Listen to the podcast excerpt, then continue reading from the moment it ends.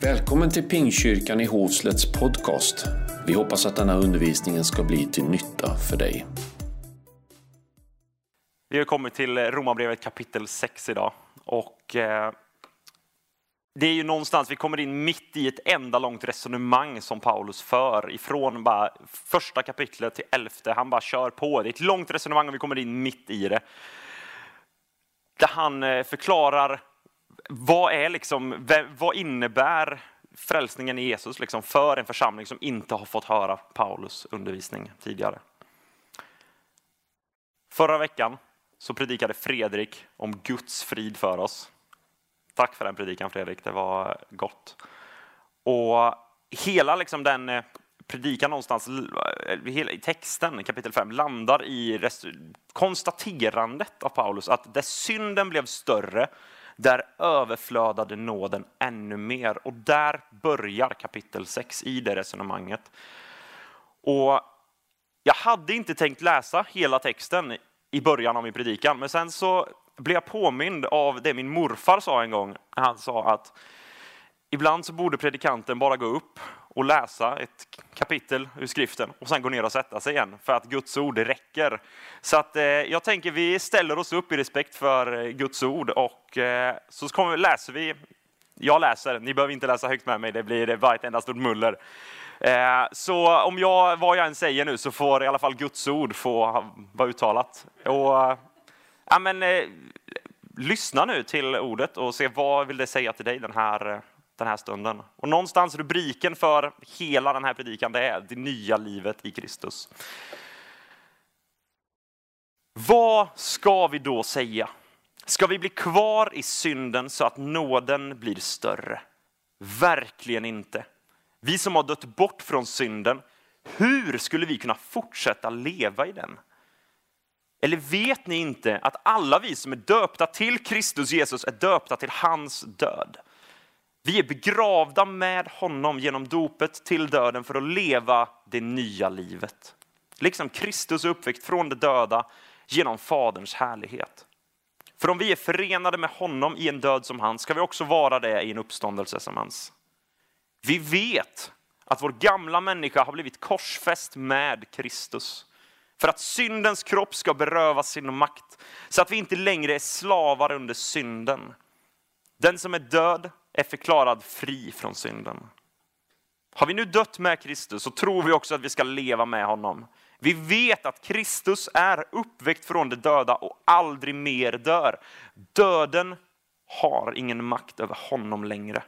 Hans död, det var en död från synden en gång för alla. Men hans liv, det är ett liv för Gud. Så ska ni också se på er själva.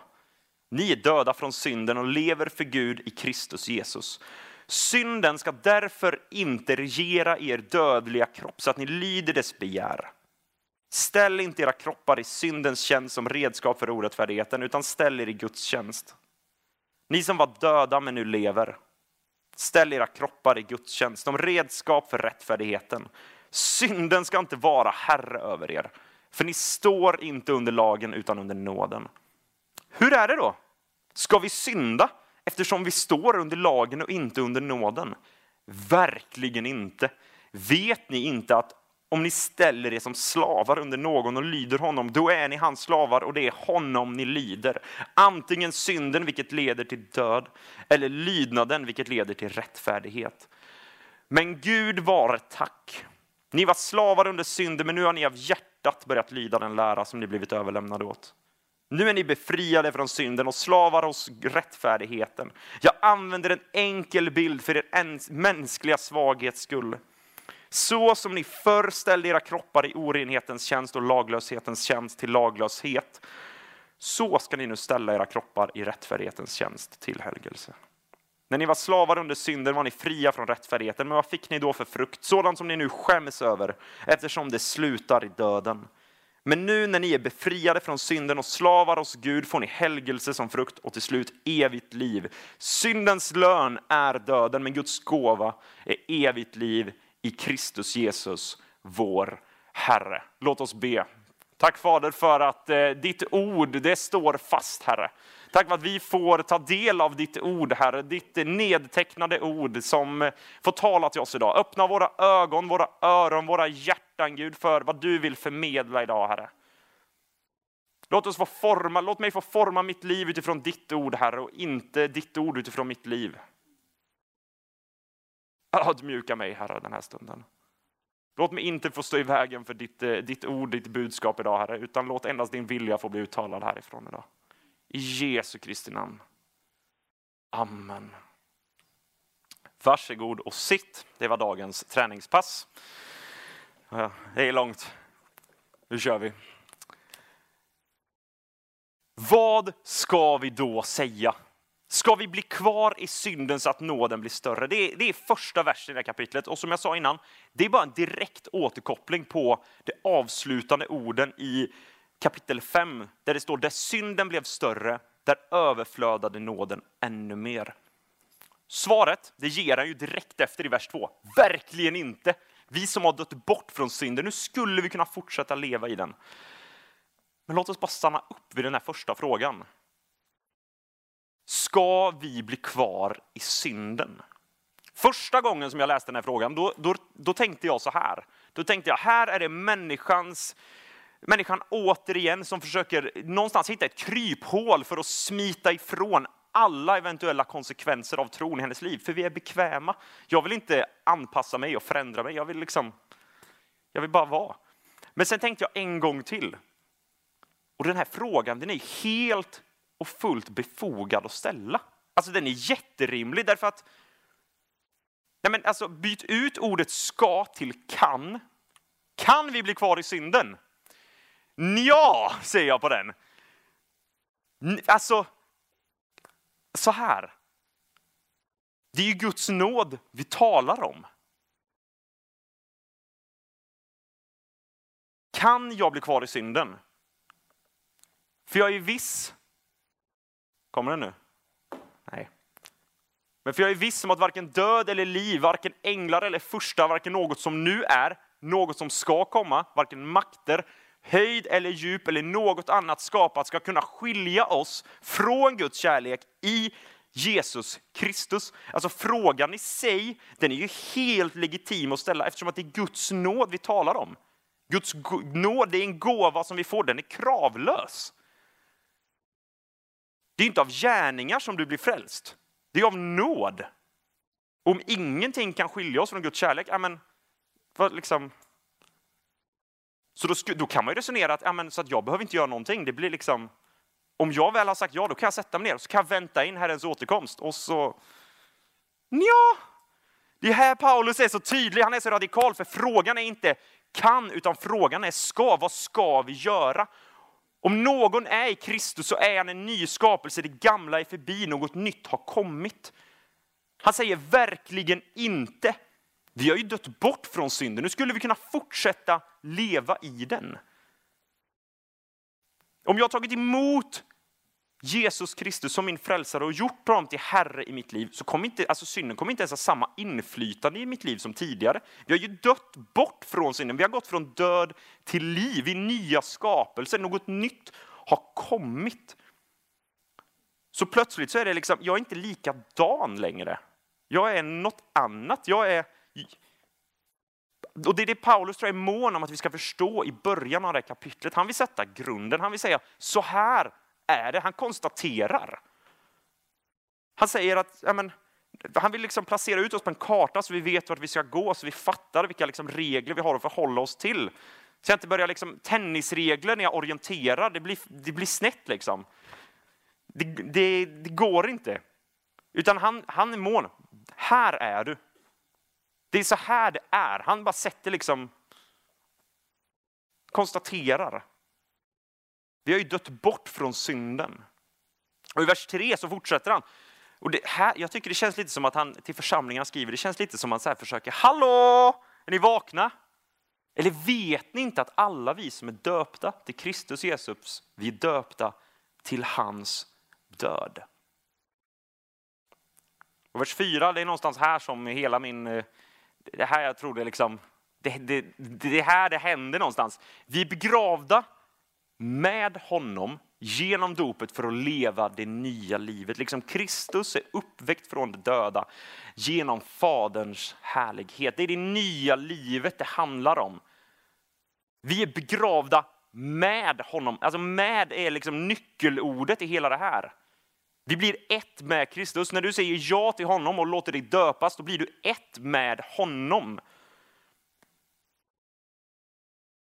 Och det, det bara fortsätt, vi bara måste fortsätta läsa de verserna efteråt här, för det är bara konstateranden på konstateranden om vad, hur är det det står till. Vi är förenade med honom i en död som hans. Då tror vi också att vi ska uppstå i en uppståndelse som hans. Vi vet att vår gamla människa har blivit korsfäst med Kristus för att syndens kropp ska berövas sin makt. Vi är inte längre slavar under synden. Det är bara konstateranden. Det är så det är. Den som är död, den är förklarad fri från synden. Och har vi dött med honom, ja men då tror vi också att vi ska leva med honom. Vi vet att Kristus har uppväckt honom från de döda och aldrig mer dör. Döden har ingen makt över honom längre. Alltså,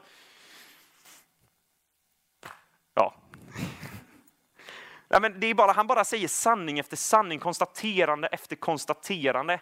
Hans död var en död från synden en gång för alla, men hans liv, det är ett liv för Gud. Det handlar helt och fullt om vem han är och vad han har gjort. Inte om vem jag är och vad jag någonsin kommer kunna göra eller vad jag tror att jag ska göra. Utan det, när jag säger ja till honom så får jag plötsligt fri passage. Jag är fri ifrån sin, jag är förklarad fri. Och när jag säger ja till honom så blir mitt liv, det blir inte bara liksom en tro på Jesus, utan det blir ju ett helt liv med honom. Jag får gå med honom och det är det som liksom det dras ihop till här. Det nya livet. Det nya livet. Vi har inte bara dött bort ifrån någonting. Det är inte bara det som händer på korset. Det är inte bara att Gud han köper oss fria, utan det är också att han, han kallar oss in i någonting nytt. Vi är begravda med honom genom dopet för att leva det nya livet. Vi vet att vår gamla människa har blivit korsfäst med Kristus. Varför? Jo, för att syndens kropp ska beröva sin makt. Så att vi inte längre är slavar under synden. Vers 11, så ska ni också se på er själva. Vi måste någonstans förstå vad, hur hårt Jesus har dött bort ifrån synden, hur maktlös döden är inför honom, så att vi också kan förstå hur fria vi är i honom. Alltså när vi tror att vi fattar vad frihet är så fattar vi ändå inte det för att den är så mycket större i honom. Ni är döda från synden och nu, ja men nu lever ni för Gud i Kristus Jesus. Nu-bibeln, som är den bibeln jag brukar gå och bära på, den sätter rubriken på det här stycket som någonstans bara, det, det är konstaterandet som man gör. Att syndens makt, den är bruten.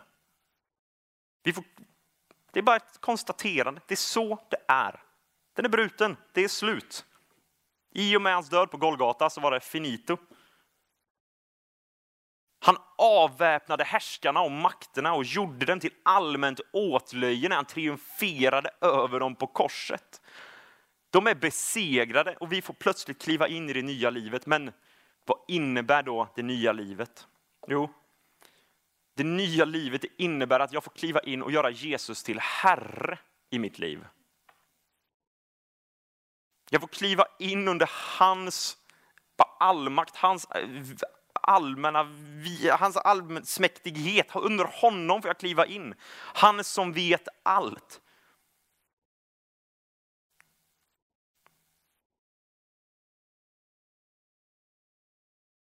I Romarbrevet 10 och 9. För om du med din mun bekänner att Jesus är Herre i ditt liv och i ditt hjärta tror att Gud har uppväckt honom från de döda så ska du bli frälst. Vi ska bekänna att Jesus är Herre. Syndens makt är bruten. Synden ska därför inte regera er dödliga kropp så att ni lyder dess begär. Utan ställ er i Guds tjänst Ni som var döda men nu lever, ställ era kroppar i Guds tjänst. För bara för att jag är fri i Gud, bara för att syndens makt är bruten, jag är inte längre slav under den. Jag behöver inte sitta fast i den, utan jag är fri. Men någonstans så handlar det också, det är också en uppmaning, att vi måste aktivt ställa oss i Guds tjänst. Du måste kliva in under, jag måste ta mitt beslut att ställa min kropp i Guds tjänst. Så att jag helt och fullt, precis som Jesus, kan leva för Gud. Och att låta Jesus vara Herre, det är någonstans ett beslut som jag måste fatta varje dag. Vi lever ju i en känslokultur. Vi talar, alltså allting, vi talar om känslor så mycket i vårt samhälle. Att det, är så här, det ska kännas på ett visst sätt. Och det präglar ganska mycket liksom, hur, man, hur man ser på, ja, men på allt. Jag menar, alltså skilsmässorna är ju fler än någonsin i vårt land. Ja, men, därför att någonstans så är det, det är som känslokultur, det ska bara kännas så mycket. Vissa saker handlar ju också om ett beslut. Ett äktenskap, det kan inte bara bygga på känslor. Ett äktenskap som bygger på känslor kommer ju krascha jättesnart. Det är därför som man i kyrkan inför Gud och inför församlingens närvaro säger, jag lovar dig i nöd och lust. I lust är det jätteenkelt. Det tror jag alla som är gifta vet, att i lust är det enkelt att älska någon. Men det är ju i nöden som jag måste ha fattat ett beslut, när det är jobbigt. Och samma sak är det med vår tro. Jag måste fatta ett beslut som bär mig genom nöden, så att även när jag vandrar i dödsskuggans dal så fruktar jag inget ont, för du är med mig. Din käpp och stav, det tröstar mig. Jag får luta mig på honom, jag får kasta allt jag har på honom. Jag tror det är det Paulus vill säga någonstans. Alltså, det är ett aktivt beslut också. Och inte ens det kan vi alltid ens fatta liksom i egen kraft, utan för att det är av nåd så är ni frälsta, inte av er själva. Guds gåva är det. Det är genom tro. Så det, det, det är så här, du måste fatta beslut, fast inte ens det kan vi riktigt göra helt och fullt i egen kraft. Men vi måste välja vem som ska få inflytande över våra liv. Jag måste besluta mig för vem är det som är herre i mitt liv? Jag behöver självrannsakan i mitt liv. Låter jag verkligen Jesus vara herre på alla områden i mitt liv? Vad, vad innebär ordet herre ens? Jag tänker i vår kontext, det kan vara klurigt. Vad betyder herre? Jag, tror, alltså, om jag bildgooglade herre, fick upp honom. Jag vet inte vem han är. Och han ser trevlig ut, han är en herre, han har mustasch, det är glas och fin slips och kavaj. Och det, det är en herre, tänker jag. Alltså. Men jag tror inte det är den typen av herre som Paulus talar om. Jag tror inte Paulus säger låt Gud vara en trevlig karl med mustasch, små glasögon. Som sa. Jag tror inte det var det han menade när han sa att låt Gud vara i hela liv. Liksom. Utan det innebär någonstans en överordnad person, någon som jag, en härskare, en regent, en husbonde, en godsherre. Det är någon som får ha sista ordet. Och tyvärr så tror jag vi alldeles för lätt, i alla fall jag gjorde det i mitt liv, länge krympte ner Gud till att vara någon som, ja men, du kan få bestämma mitt liv, så länge det får vara på mina villkor. För att kulturen, det handlar ju om jag, och mig själv och mitt och mitt självförverkligande och min karriär och mina drömmar. Och all, alltså, det handlar om mig. Och när det inte passar in mig, ja, men det, är, ja, men det är min sanning.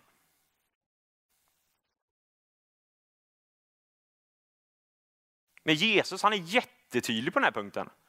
Han säger, ingen kan tjäna två herrar. Antingen kommer man hata den ena eller älska den andra, eller hålla fast vid den ene och förakta den andra. Ni kan inte tjäna både Gud och mammon. Försöker jag passa in Guds ord i mitt liv? Eller låter jag mitt liv få formas av Guds ord?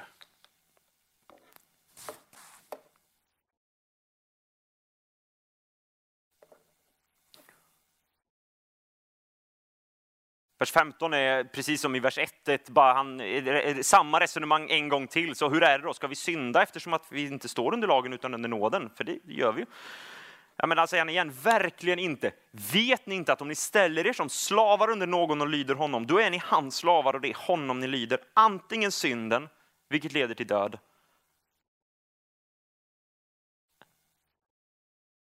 eller rättfärdigheten, eller lydnaden som leder till rättfärdighet. Men Gud var det tack.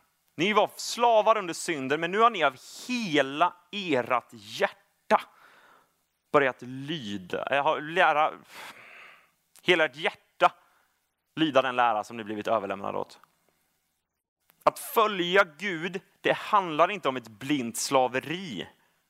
Det handlar inte om att, alltså innan vi blir frälsta, då är vi ju bundna till ja, men synden, mörk, alltså allt det dåliga, allt det vi inte vill. Det, vi, alltså, det är inte ens det är inte möjligt för oss att ta oss därifrån i egen hand, men i och med Gud så blir den makten bruten. Och nu är bara synden, det är liksom bara en möjlighet i våra liv. Och vi får välja fritt. Från att vi inte kunde välja, så plötsligt har Jesus sagt, här, varsågod. Du får välja vem du vill följa. Vill du följa den som leder till död? Eller vill du leda den lydnad som leder till rättfärdighet? Det handlar om ett hjärtas val. Ni har av hjärtat börjat lyda. Så jag måste ju, Vems ärenden vill jag gå i mitt liv? Vems tjänst vill jag stå i? Antingen så kan jag stå i den vilket leder till död, eller lydnaden vilket leder till rättfärdighet. Därför att vi är fria, vi får följa helt och fullt fritt av hjärtat. Det är ingen påtvingad lydnad. Men bara för att vi är fria så betyder det inte att det är kamp. Det kommer vara kamp. Och då måste vi ha ett beslut någonstans där vi står fast vid att ja, men vi kan luta oss tillbaka på. Jag vet att Gud håller. Jag har bestämt mig för att när jag möter prövning i mitt liv så kastar jag alla mina bekymmer på honom. Vi gör varje tanke till en lydig fånge hos Kristus. Jag måste aktivt ställa mig under hans nåd, under hans inflytande, under hans influenser. Vad är det Jesus gör när han frestas av Satan i öknen? Ja, men han citerar Guds ord, det är det han gör. Därför att han, det är det som står fast, det är sanning. Och samma sak tror jag jag behöver göra i mitt liv för att kunna någonstans på riktigt helt och fullt också kunna värja mig mot allt det som vill dra mig ifrån att kliva in och fortsätta leva det nya livet som Jesus har kallat oss till. Jag måste kliva nära hans ord. Det är viktigt att jag läser min bibel regelbundet. Jag märker i mitt eget liv, de dagar jag glömmer bort att mata mig med Guds ord, det är inte de bästa dagarna. Jag måste välja vilka influenser jag vill mata mig med. Anpassa er inte efter den här världen, utan ändra ert sätt att tänka så att ert sinne förnyas. Det är enkelt att bli frälst. Det, är ingen, det enda vi behöver göra det är att med vår mun bekänna att Jesus är Herren över ett hjärta tro att han har uppväckt honom från de döda. Jag tror vi måste, jag måste i alla fall i mitt liv påminna mig om vad innebär det när jag säger att Jesus, bekänner att Jesus är Herre. Att han är vägen, sanningen och livet. Låter jag honom få vara ja, men husbonden i mitt liv, den som var sista ordet i alla frågor, eller låter jag honom vara en man i kostym och små, små glasögon på en stol i mitt liv som jag kan gå och rådfråga ibland, som ger mig goda råd. Jag minns det som igår, när jag någonstans fick göra den, den erfarenheten i mitt eget liv, i min egen tro. Det var i Arken Värnamo, det var på ett, visionskonferensen heter det nere på kyrkgolvet så böjde jag mina knän och sa, och det här var säkert för tionde gången, och sa Gud, låt din vilja ske i mitt liv och inte min, därför att du är ju god och allsmedvetande och allsmäktig. Så din vilja måste ju vara mycket bättre i mitt liv än vad jag kan veta och tro. Och jag böjde mig för tionde gången och sa det här igen, liksom, som jag sagt så många gånger innan. Och jag bara ligger där på knä och bara, Gud, vart är du? Och jag känner absolut ingenting. Varför då? Ja, men därför att jag har inte gett Gud allt. Jag lät honom inte vara herre i mitt liv, utan jag gav honom liksom 98 procent och sen sa jag, Gud, du får bestämmas, men jag vill bara ha kontrollen. Kan jag få hålla kvar kontrollen? Det jag får ha ändå sista ordet. Jag, jag, jag ska lyssna på det du har och värdera det, men jag vill ha kvar sista ordet. Och någon, jag vet inte, det, det, var bara Guds nåd. Någonstans där då så fick jag böja mig helt och fullt. Alltså det var kamp för mig att ge upp de sista 3-4 centimetrarna mellan golv och min panna. Men när jag med min kropp fysiskt fick manifestera att Gud är Herre i mitt liv och jag ger allt till honom. Jag böjer mig helt och fullt för honom. Från ingenting till allting på en gång. Det, det, det kändes exakt som att himlen slog ner rakt och fullt över mig. Sen inte det, det, alltså det beslutet är sånt jag får liksom titta tillbaks på och jag får luta på och bara, men jag har gett allt till honom. Och sen måste jag också påminna mig om varje dag att, att inte liksom falla tillbaka i gamla vanor. En räddningsbåt, den plockar ju inte bara upp folk. Den plockar inte, om du ligger i vattnet och håller på att drunkna, här sänder Gud sin frälsningsbåt till dig. Han sänder Jesus Kristus. Här kommer han och han räddar dig och han kommer med 120 hästkrafter bak på motorn och så, och så plockar han upp dig. Sen låter inte han dig bara driva omkring fortsatt på havet. Nej, men du drunknar i alla fall inte. Utan han kommer ju ta dig i land.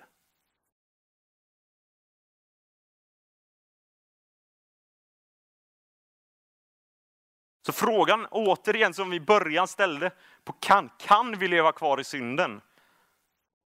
Ja, men om Jesus är min Herre, alltså om på riktigt han får vara min Herre och inte bara en trevlig farbror med små glasögon, då blir alltså, det blir en omöjlighet att leva kvar i synden, den aspekten. Därför att jag är ju jag är inte kvar på samma ställe, jag är något nytt, jag är en ny skapelse i honom. Och i mitt hjärta så vill jag leva för honom. Syndens lön är döden, men Guds gåva det är evigt liv i Kristus Jesus, vår Herre. Det jag verkligen vill någonstans tror jag bara det som grep tag i mig, det, är bara, det var att jag var tvungen att självrannsaka mig själv på nytt och se, men är Gud Herre i mitt liv? Får han verkligen ha inflytande på alla arenor där jag går? Får han bestämma på mitt jobb? Ja, men jag jobbar ändå här, så att det, ändå, det borde han få göra rimligtvis. Ja, men får han bestämma hemma? Får han bestämma liksom med familj. Har han fritt spelrum överallt?